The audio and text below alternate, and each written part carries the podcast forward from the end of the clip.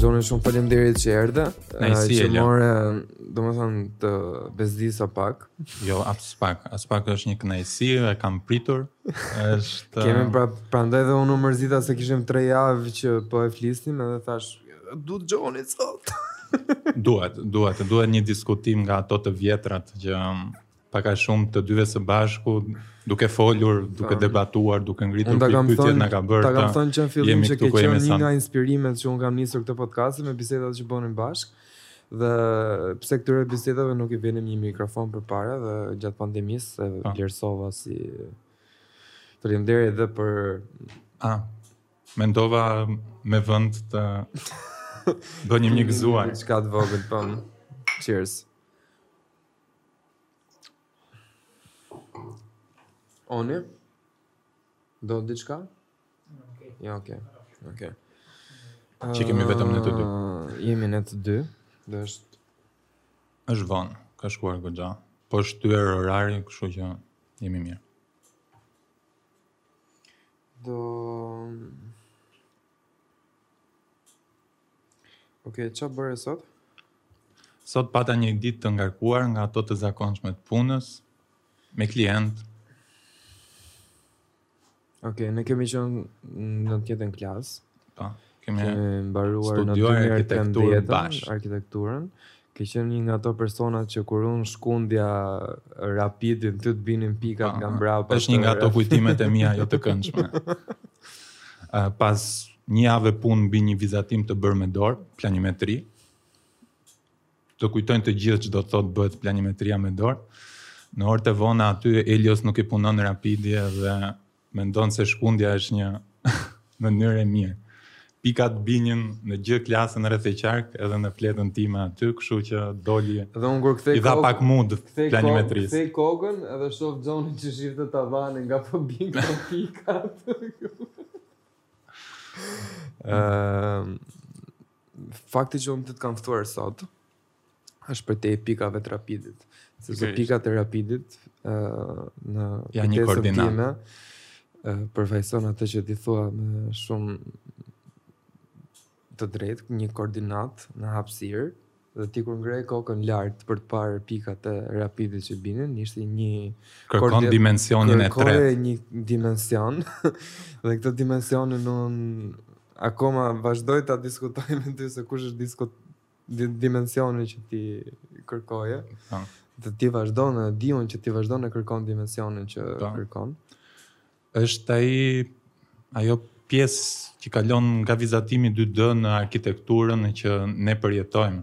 Dhe kur flasim për arkitekturë më tepër për vetë eksperiencën, ditën tonë, ne jemi një qenie, thotë Juhani Pallasmaa, që takojmë botën nëpërmjet shqisave.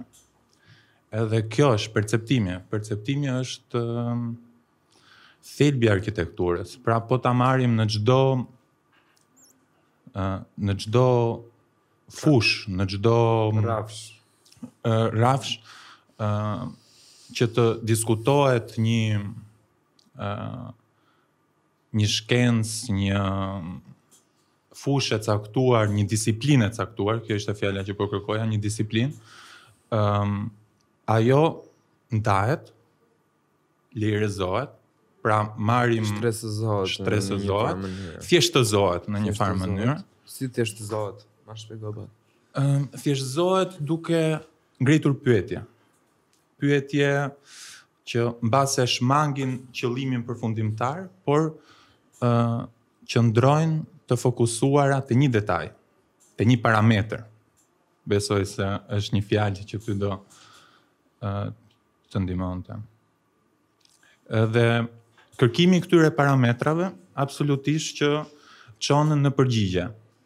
ë E gjithë fusha e arkitekturës është një studim i hapësirës, mm -hmm. i mhm. parametrit kryesor të saj.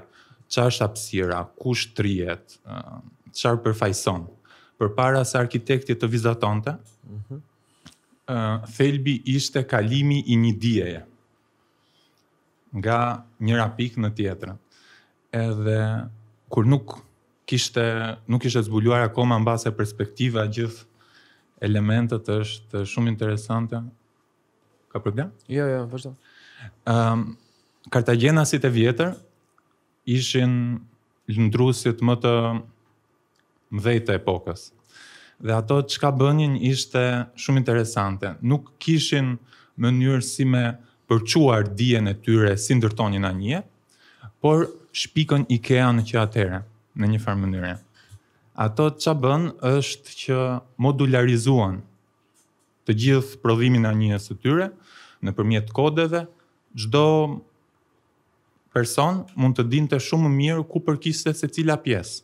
Mhm. Dhe ato eksportuan anijet e para të paketuara që montoheshin edhe domethënë viheshin në funksionim. Kjo një farë mënyre ishte një projektim, pra një kodim i një informacioni. Kodimi i informacionit që në kohët e sotme po. përkthehet në uh, pika, linja, linja, vektor, vektor, plane. Doja që të lidhja pak se si.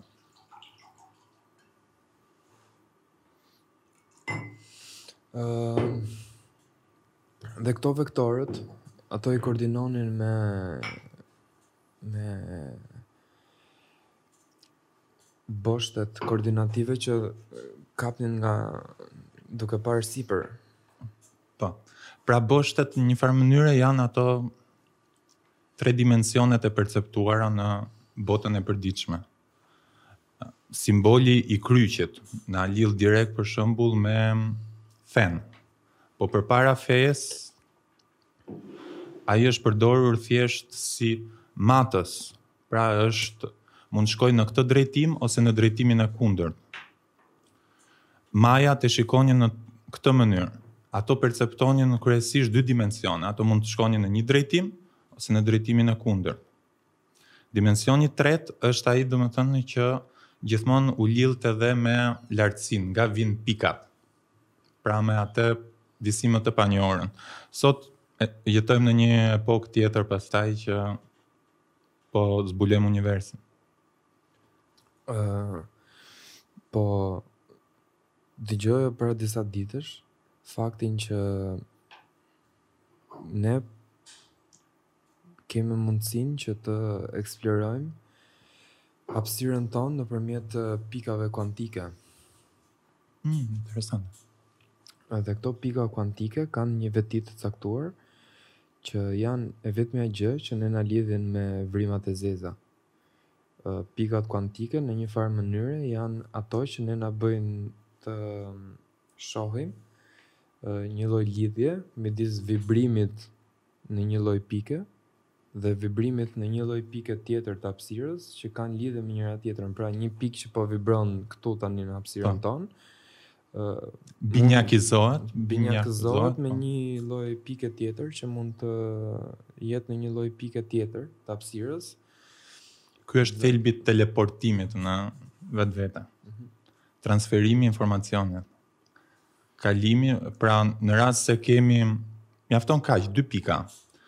Pra një pik është një pozicion hapësire, është diçka më tepër, është një informacion, një drejtim mm -hmm. që ka kjo pik. Ë uh, pikat kuantike janë dy pika të binjakizuara, dy koordinata të po, ndryshme. Po, nëpërmjet një frekuence kam përshtypjen, jo nëpërmjet vektorëve, ne i masim gjërat me vektorë. Besoj se në shkencë nuk nuk ia kanë dhënë ende përgjigjen, domethënë si ato arrijnë të binjakizohen, po ë uh, fakti është që në rast se njëra ka një dhënë negative, pra thot një, ë uh, e kundërta e saj thot minus një. Dhe kjo është thelbi. Po thjesht me këtë domethënë është baza edhe e kodit Morse për shembull, kalimit të informacionit. Po.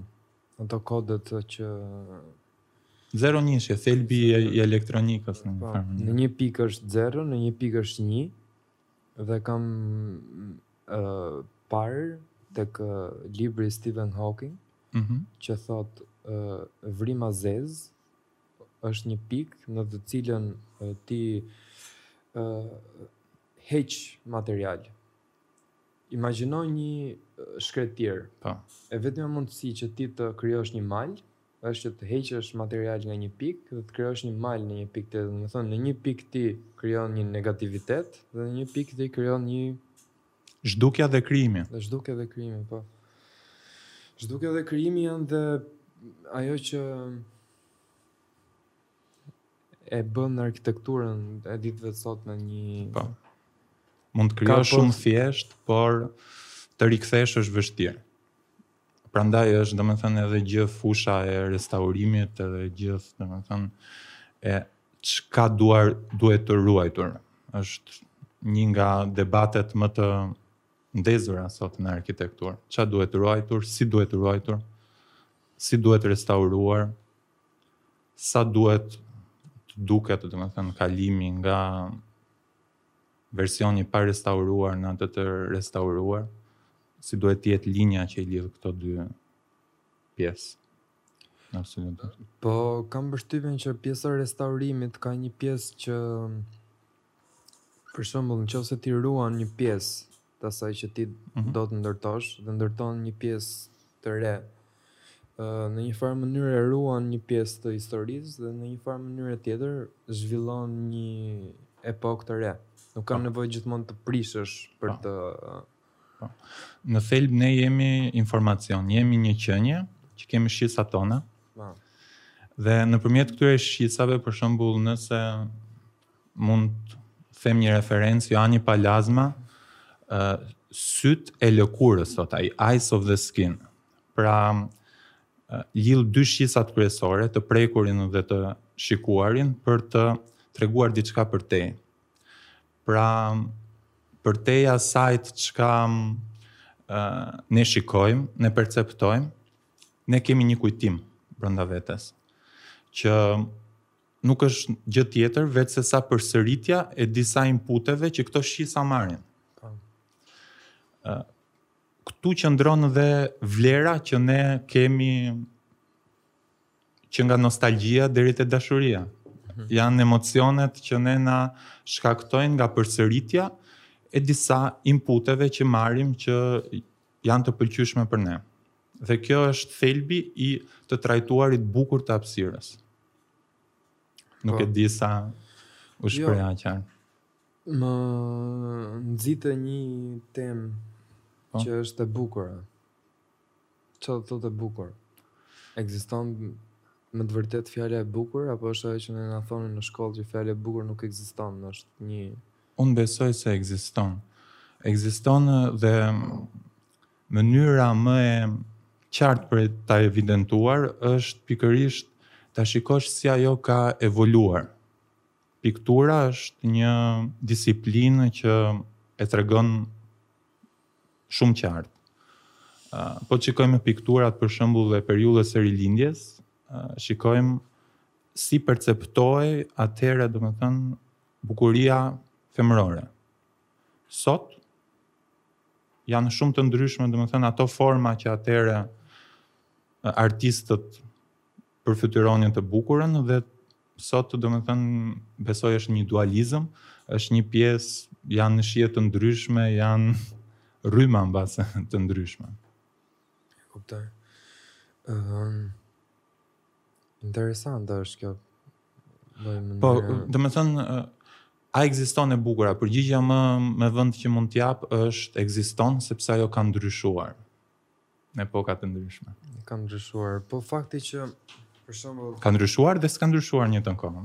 Duke për, për shembull është mua mua më gjithmonë më nxit atë imagjinatën, pjesa që e bukura ka një lloj pakuptimshmërie në po thelbin e fjalës së vet.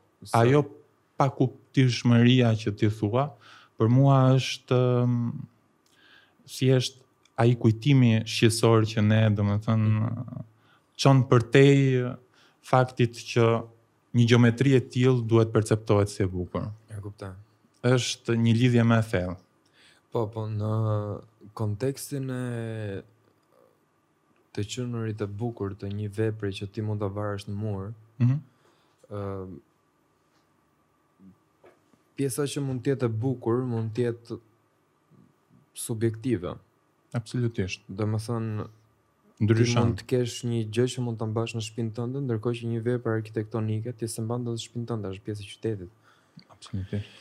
Dhe kjo e bën arkitekturën. Për shembull, mua më bën shumë përshtypje pjesë të qytetit që janë në Tiranë, për shembull, janë disa godina që janë mm. bërë me një fasadë të zezë. Fasada e zezë, e zeza, Ngre pikëpyetje. ka një tërheqje ndaj shqisave që të duket si diçka, ok, është ndryshe nga këto fasadat e tjera, po në klimën, në klimën që jetojmë ne, është problem. Është thith shumë rreze diellore dhe emeton nxehtësi mbasi këto rreze i thith dhe e bukura kthehet në një diçka që, ok, Ça është e bukur? Kupton, është e bukur kjo ngjyra që ajo ka, apo duhet të jetë e bukur një gjë që ka dhe ngjyrën në lidhje me funksionin që ajo ka. Mm. E, mund në plan të parë mund të ngjajë interesante të thuash një objekt, domethënë do ngjajë më elegant në momentin që do jetë i errët, do krijojë perspektiva më të ngushta në perceptim. Kjo është Domethënë ajo çka të errëtën e bën të bukur në atë perceptimin e përditshëm. Por arkitektura ka kontekst. Domethënë konteksti shtrihet që nga gjon, zona gjeografike deri tek emocioni i një situate të caktuar në një sajt në një vendodhje. Edhe Të thuash që një ngjyrë e bën një ndërtesë të bukur apo jo, është, domethënë, ta shikosh në mënyrë të cekët. Kjo është besoj çfarë doje të thoje edhe ti, domethënë po. që nuk është thjesht një ngjyrë çfarë e bën thelbin e arkitekturës. Arkitektura është një zbulim i vazhdueshëm në në hapësirë. Po. në këto tre dimensione që sado domethënë shkencëtarët mund të thonë për shembull në fushën e fizikës që sa dimensione janë të kapësh lloj-lloj diskutimesh perceptive të është universi brenda nesh apo jetojmë ne në univers shumë pyetje të tjera prap arkitektura shtrihet në atë gjënë konkrete, në atë gjënë që ne përjetojmë për, po, ditë, në atë të pandryshueshme. Sa është konkrete kjo që, që përjetojmë? Ti beson që është konkrete? Uh, është aq konkrete, sa bën të mundur sot që nga NFTs, monedhat virtuale, deri tek, është kaq konkrete, ka kaq detaj brenda. Pra ka aq shumë parametra sa absolutisht bota reale ngelet ajo e perceptimit të përditshëm dhe është shumë e rëndësishme domethënë që uh, arkitektët po që po po gjithë artistët të qëndrojnë të lidhur uh, thelbësisht me uh, perceptimin e të bukurës që i bën shërbim njeriut. Sot art absolutisht uh, Quhet shumë gjëra. Quhet që nga një banane e ngjitur në mur me një adeziv deri tek një vilë që nuk njihet kurrë e Frank Lloyd Wright-it, por uh, realiteti ka hapësirë për kaq shumë diversitet. Për këtë jo, fakti që realiteti ka dhe hapësirë për ndjesitë tona më bën shumë të mendoj përtej faktit që për shembull po flisim një ditë për pjesën e dorezës që hyn në një ndërtesë. E shpreh Juhani Pallasmaa që mua më ka goditur edhe nuk Doreza, Doreza mund të jetë një nga pjesët is the handshake of the building, po, thotë, është dhënia e dorës si të jep po, po. objekti. Domethënë zhurma që bën ajo ndër prekja. Prekja, domethënë është e ftohtë apo është e ngrohtë me dru, domethënë është si ajo hapet, është një hapje e lehtë, po, një hapje që kërkon energji. Po, po, po pavarësisht se është një pavarësisht se është një prekje, Ajo krijon një dimensionalitet hapësinor. Po. Ekziston hapësira përtej asaj dere në momentin që nuk është askush duke e vëzhguar atë? Një nga pyetjet filozofike të ngrejtura ndër. Po. Ëh, ka. Domethënë ne jemi tani... Leximi i shqisave tona e bën hapësirën, jep vlerë hapësirës. Jemi te George Berkeley. Ja. George Berkeley thotë që në qoftë se një qershi është e kuqe, mm.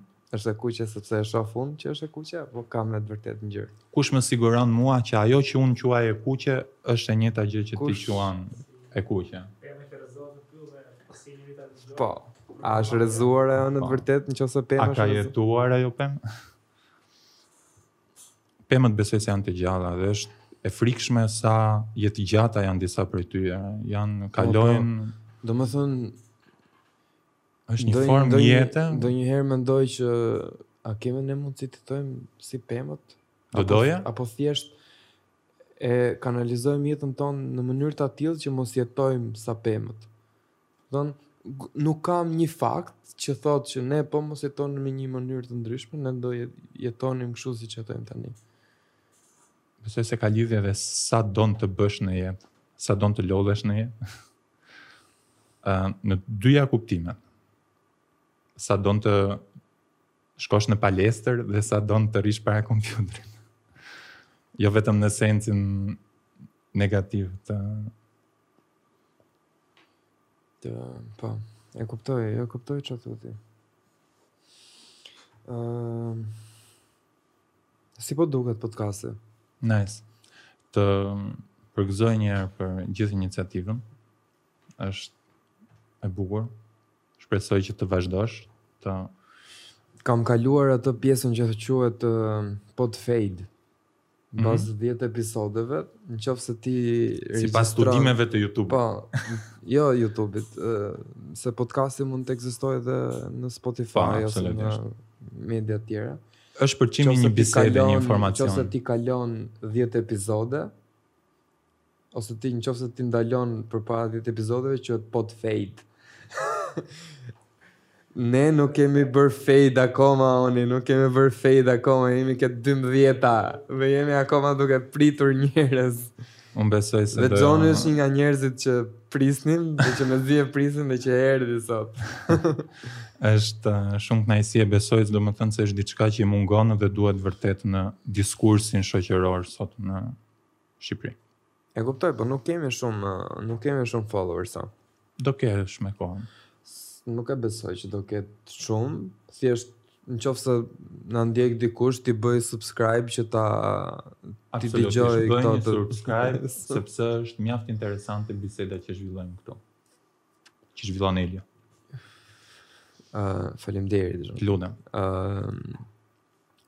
Më pëlqen shumë fakti që biseda jonë mm.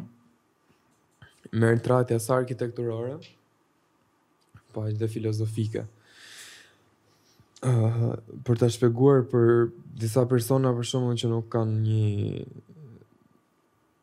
uh, back, si mund ta them, background teknik në teknik në filozofi, ne kemi krijuar një kemi zhvilluar një uh, lloj uh, aspektit të mënyrës së menduarit që mendojmë filozofinë në mënyrë hapësinore dhe prandaj po. shpeshherë flasim për filozofinë që lidhet me uh, përtej planetit tonë, Në, unë kam zhvilluar disa podcaste për shembull për hapësira... planetin Mars. Po. Oh. Mund të jetojmë në planetin Mars, nuk e di nëse mund të jetojmë në planetin Mars.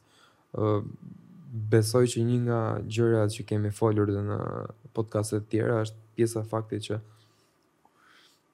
nuk mund të jetojmë pa një pjesë të tokës në planetin Mars. Pa një pjesë të tokës? Po, për shembull kjo tavolina, po? është një pjesë e tokës. Mm -hmm. Fakti që ne kemi zhvilluar idenë e tavolinës, është një pjesë që neve na bashkon. Domethënë, neve të dy tani jemi në një tavolinë. Absolutisht. Fakti i të jetuarit në një kontekst të tillë, Ne do na duhet psikologjikisht dhe në hapësira të tjera. Pra kur flet për pjesë të tokës, është shumë gjigante, shumë e madhe, është ndoshta edhe e paimagjinueshme, ndoshta është edhe përtej asaj që ne po flasim tani, po ndoshta s'ia kemi fare idenë. Kur thua pjesë të tokës, e ke fjalën pjesë fizike, apo për pjesë të kulturës që kemi zhvilluar ne në këtë lloj koordinate gjeografike planetare. Ndëryjore. Ndëryjore. Absolutisht. Besoj se janë me grada këto. Zhvillimi i një specieje, domethënë, arrin të jetojë në një planet, në dy planete, në disa planete, ndahet në... Po, Tiago, po, në qofë se jetojmë vetëm në një planet, mund të jemi shumë të rrezikuar. Absolutisht, kjo është një. Mund të jemi shumë të rrezikuar, ne mund të jetojmë dhe thjesht pa arkitekturë, Po është shumë interesante njëjtën kohë një pjesë e shoqërisë njerëzore që e shikon në mënyrë mbase më romantike. Më ka inkuriozuar gjithmonë që e shikojnë e shikojnë si një pjesë, domethënë që ne jemi krijuar këtu, besojnë ato. Dhe duhet të ekzistojmë këtu. Ke një pjesë që beson që bota është e sheshtë. Mm -hmm. Ke një pjesë që beson që kam përmend përpara që uh, historia fillon uh, Bibla thotë më duket 12000 vjet më parë, ndërkohë dymbëdhjetë mijë vjet më parë ke rrënoja në brigjet mesopotame. Mm -hmm. Cila është e vërteta? Besimi është wow. ajo pjesa e universit brenda nesh, ndërkohë që tre dimensionet e perceptueshme, arkitektura dhe vlera e saj, domethënë ajo pjesë që nëse ne duam të ekzistojmë në Mars, duhet të shkojmë në Mars. Mm Kupton, është e pandryshueshme. Nuk uh, mund të shkojmë në Mars duke besuar që toka është e sheshtë. E kuptoj. Shumë interesante. Mm. Po. Sidomos pjesa që ne jetojmë këtu mm. dhe po mendojmë që të jetojmë diku tjetër. Don pjesa që ç'na ç'na bën të duam ose kënaqësia që na jep mendimi të jemi diku tjetër. Është logaritja matematikore që nëse jetojmë në dy vende të ndryshme kemi më shumë probabilitet që të rezistojmë më gjatë, sepse një planet është gjithmonë Po pse të intereson ty kjo? Për të jetuar më gjatë. Sepse... Besoj se në rast se ekzistojmë në dy planetë, marrim një situatë hipotetike, po. Edhe i drejtohet tokës një asteroid. Nuk besoj se do jemi në gjendje që 7 miliard njerëz, 8 miliard t'i çojmë në Jo, po s'mund të çosh 8 miliard, po mund të çosh 10. Po, dhe mundësia që ti të jesh prej midis tyre të bën që ta dëshirosh këtë gjë. Jo. Dëshiron pjesën që ti mund të jesh ë ai pesë personat që mund të jenë atje, mund të kenë ose mund të trashëgojnë një pjesë nga kjo kultura që po transmetojmë ne tani.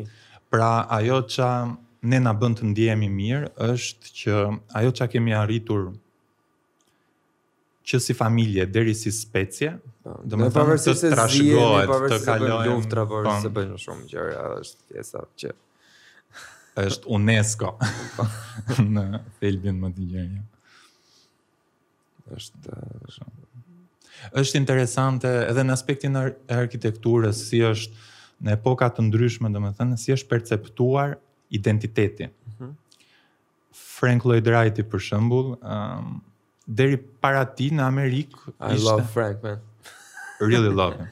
E, edhe para tij në Amerikë kishte një arkitekturë viktoriane të importuar nga Europa. Mhm. Mm Domethënë shoqëria e lartë atëhere preferonte vilat siç ishin në Londër, siç ishin në Paris, Dhe del, domethënë në fillim të shekullit, ë Frenku që thotë, ej, jemi një kontinent tjetër, kemi një identitet tonin, duhen respektuar gjithë ngjyrat që ka kjo tokë dhe kush ka jetuar në këtë tokë. Këtu fillon dhe inspirimi i tij për shembull me kulturën maja. E, po, domethënë mm, pa e thënë ti akoma, po mendoja që ai merr po. disa nga inspirimet e tij. Edhe domethën kalimi, përkthimi që i bën domethën. Po ai është shumë arkitekt. Domethën merr inspirime nga majat, po është shumë arkitekt. Po po edhe majat kanë qenë arkitekt për atë që po, kanë bërë. Po, po, patjetër. Po... Nuk kishin zbuluar sandalet, por kanë bërë objekte fantastike. Uh, thjesht ai bënte objektet e tij për kulturën për shembull ne dim për shembull ne dim që Frank Lloyd Wright merrte uh, inspirime nga ose merrte disa element nga kultura maja dhe i përdorte po kultura maja ka marrë diçka nga dikush tjetër mm. duhet të shkojmë shumë përtej, mbase të kishim një time machine edhe të ktheshim dhe të shikonim domethënë si e kanë gjeneruar, ça kanë qenë motivimet e majave për të arritur në ato Forma gjeometrike të konturimit të hapësirës që bënin, dhe domethënë, ajo lidhja shpirtërore që Frank Lloyd Wright-i vetë thotë që ka qenë thjesht një nga librat më me ilustrime të bukura që kam pasë në fëmijëri, tregonte histori dhe kishte ilustrime mbi uh, fiset maja dhe kjo qe lidhja e tij domethënë e thellë dhe që e shoqëroi gjatë gjithë jetës për me dhënë atë lloj uh, ndjesie përtej kopjimit të disa linjave ose proporcioneve të caktuara. Mm -hmm. Po edhe... ka, ka një gjë, po. ka një gjë shumë të rëndësishme që e kam parë te arkitektura e Frank Lloyd Wright që është uh, kompozimi me anë të blloqeve. Është shumë interesante. Dhe është... kompozimi me anë të blloqeve kam përshtypjen që mund të jetë ka qenë dhe në kulturën maja. Domethënë, po, përtej atyre, në thelb përtej atyre inspirimeve uh, inspirimeve që ti i shef si fasadë ose inspirimeve që ty të kujtojnë kulturën maja, ka dhe një inspirim të brendshëm që është ADN-ja e arkitekturës që bënte ai që është uh, kompozimi me anë të bloqeve. Frank Lloyd Wright kompozon me anë të bloqeve dhe bloqet janë një nga pjesa kryesore e arkitekturës së vet që janë uh, disa Mënyra se si ti ta ndërtosh arkitekturën në miniaturë, domethënë në elementë kompozicional ndërtimorë që janë tullat katrore, po edhe në elementë kompozicional që janë hapësirat, domethënë ti ke po. ca tulla hapësirash që ti i mbivendos me njëra-tjetrën, po. dhe dhe majat bënin këtë gjë. Domethënë po t'i shohësh ato tempujt janë si disa uh, tulla, po. pavarësisht se ti nuk shef tullën në vetvete, po ta analizosh atë është një tullë që formohet me njëra-tjetrën për të krijuar po. disa qytete, disa hapësira të ndryshme, disa si përkthehet ai sensi i hapësirës. Domethënë ka dësh... një ka një sens universal që pavarësisht inspirimeve të Frank Lloyd Wright-it, ai ka gjetur sensin universal, ka gjetur shpirtin e vendit atij mm -hmm. vendit, genius locin e atij vendit. Fiks. Fiks. Dhe... Sepse në vetvete, uh, majat atë modularitetin e përdornin në objektet e tyre më të rëndësishme, në tempujt. Uh, guri që mundësonte atë modularitetin, sepse uh, po të analizojmë tipit elementet e tjera, druri, baltën që ato përdorin, janë më vernakular në vetvete. Gurin, si element më modular, më të pandryshueshëm, ato e përdornin pikërisht për tempujt.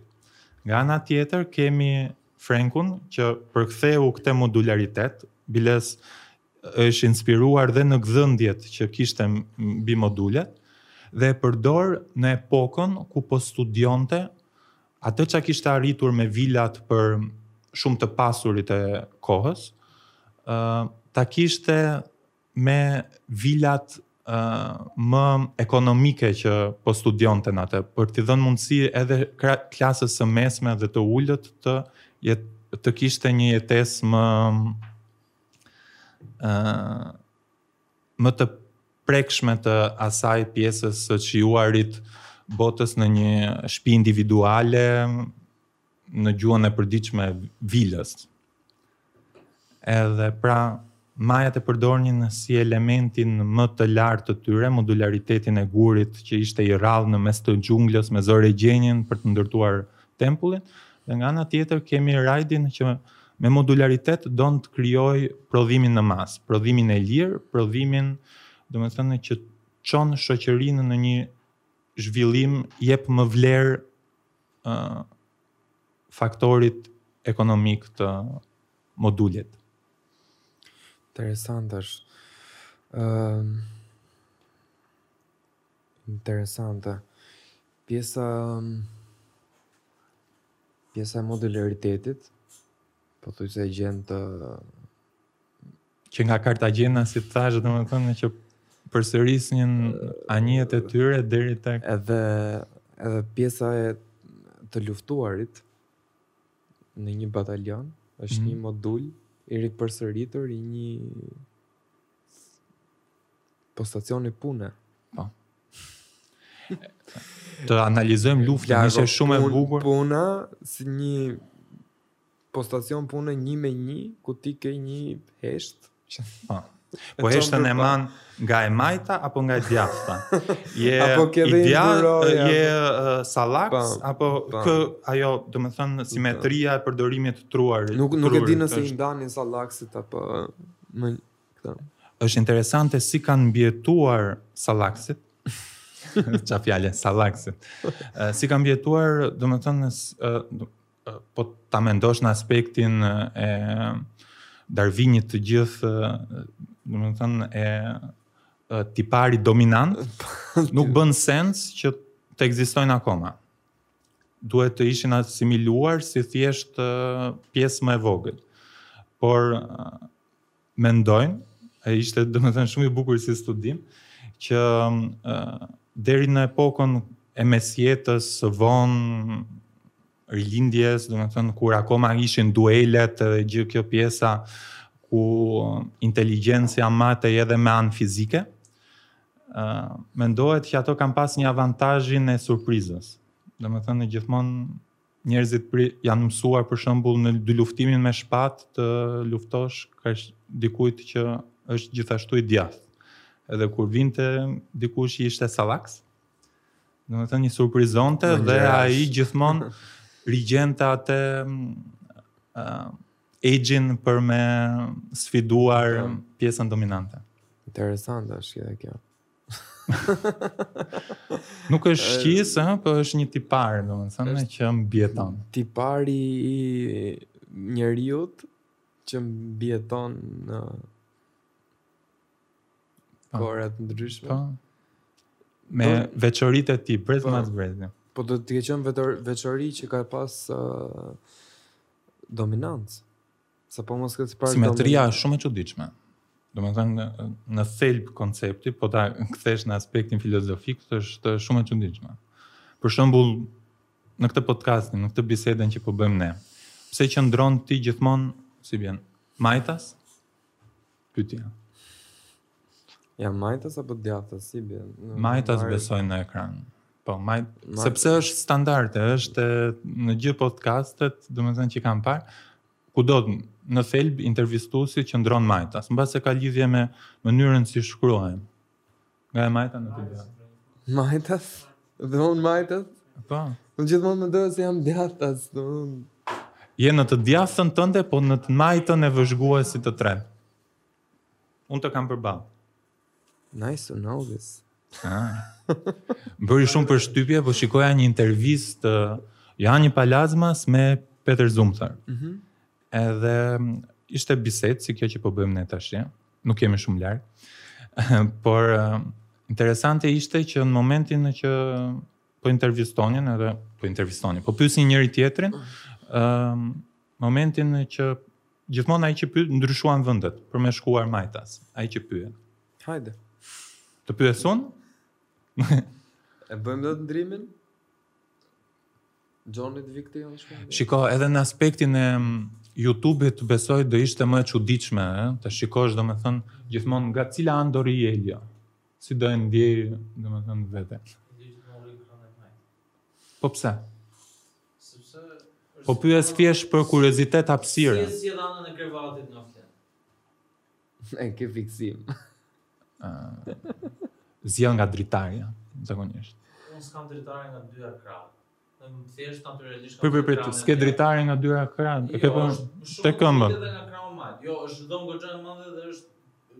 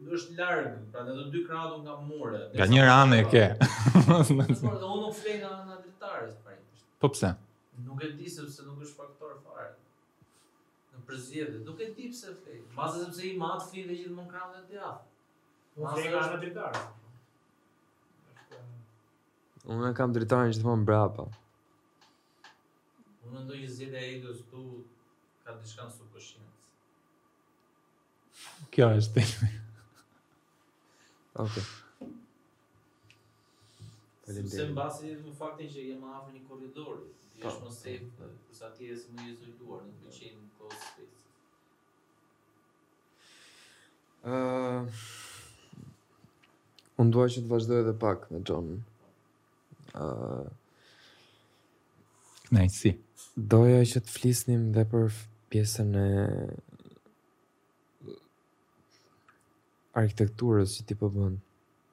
Arkitekturës që po më po bëj. Ëm um, kam një studio, një hapësirë time, së bashku me një shoqen time, domethënë mm -hmm. që ë uh, është tani pa njohur. Aty, aty. Ëm um, që mundohemi pikërisht ta shikojmë arkitekturën në këtë lloj niveli bisede që po bënim, për bërë një arkitekturë për njerëzit, për atë që do e jetojë, jo për të prodhuar një render të bukur, një vizatim të bukur, mm -hmm. ndoshta edhe një objekt që dikujt me perceptim dhe pa thellim në arkitekturë do i dukej e bukur, por për të kërkuar atë përtej të bukurës, për të kërkuar atë që ne na nxit, na bën të jemi mirë. Është e bukura dhe është ajo që na bën të ndjehemi mirë. Ne jemi në kërkim të kësaj të dytës. Interesant është edhe kjo. Jo, kam qen, kam qen disa herë te hapësira jote është goxha goxha interesante sepse aty përjeton pikërisht uh, Në qofë se në një farë mënyre kam, kanë qënë shpellat, pa. Po. një lloj mënyre për të personifikuar uh, një tribu, mm -hmm. tani ekzistojnë shpitë dhe zyrat. Pa. Po. dhe zyrat janë një lloj mënyre se si ti personifikon dhe ndjen një ndjesi të asaj që krijohet nga ato që je, jetojnë brenda asaj. Ë uh, janë shumë të ngjashme me këtë hapësirën këtu që ne mm. po flasim. Janë një hapësirë diskutimi, një hapësirë mendimi që mm. na lidh neve të gjithë së bashku rreth kësaj fushës së studimit të hapësirës. Mm -hmm. uh, të kësaj distance që ne perceptojmë dhe objektet dhe Newtoni e shikonte si një teatër. Nuk e dija, domethënë mund ta zhvillojmë. Newtoni e shikonte si një skenë, si skenën e një teatri, mbi të cilën mund të luhet çdo shfaqje e mundshme. Dhe kjo është dhe hapësira. Pra të prodhosh formë do të thotë të japësh një shfaqje. Hapësira është, domethënë, mediumi ku ne zhvillojmë gjithçka, që nga mendimi, na duhet hapësirë për të menduar, mm -hmm.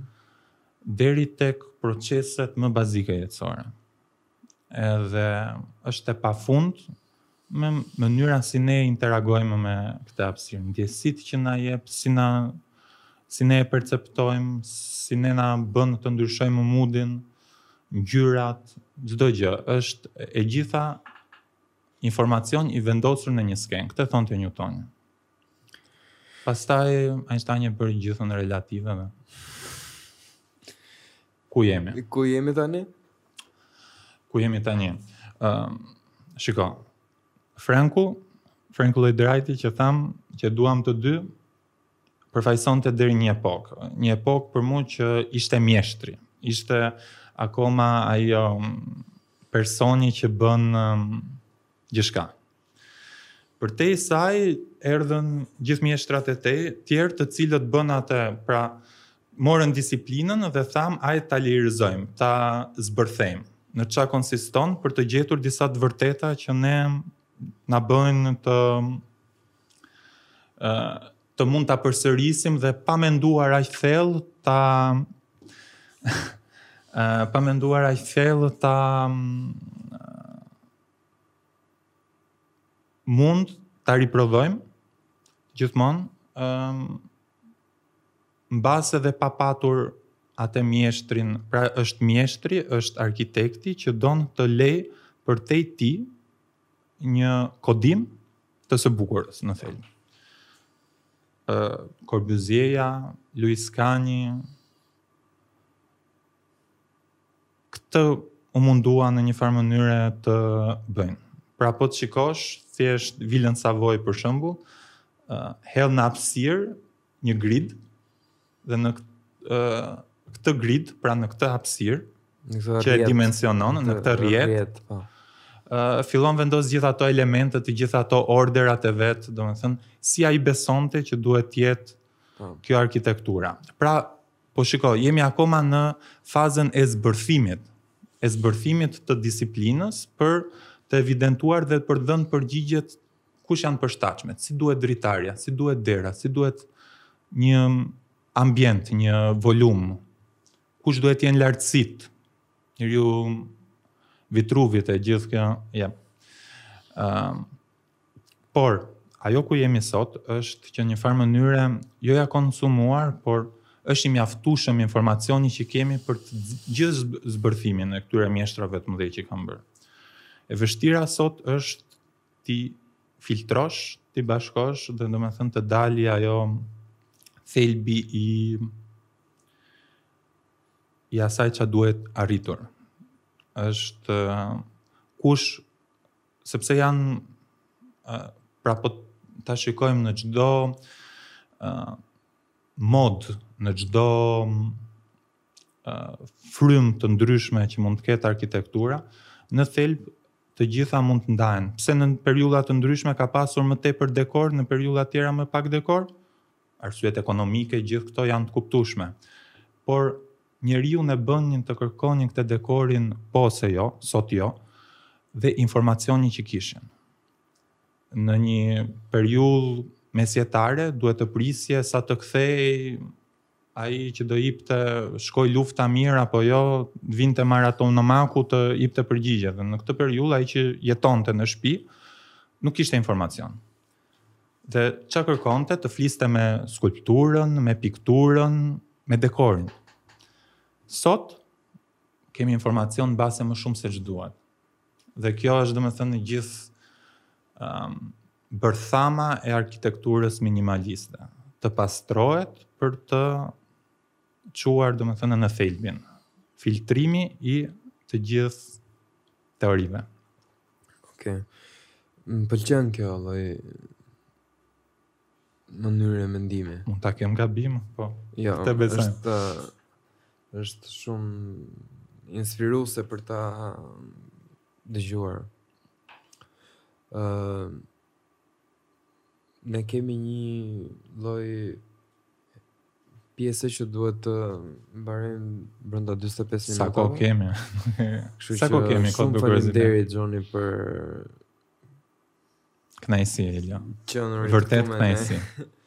Shumë faleminderit që pive pak çaj me.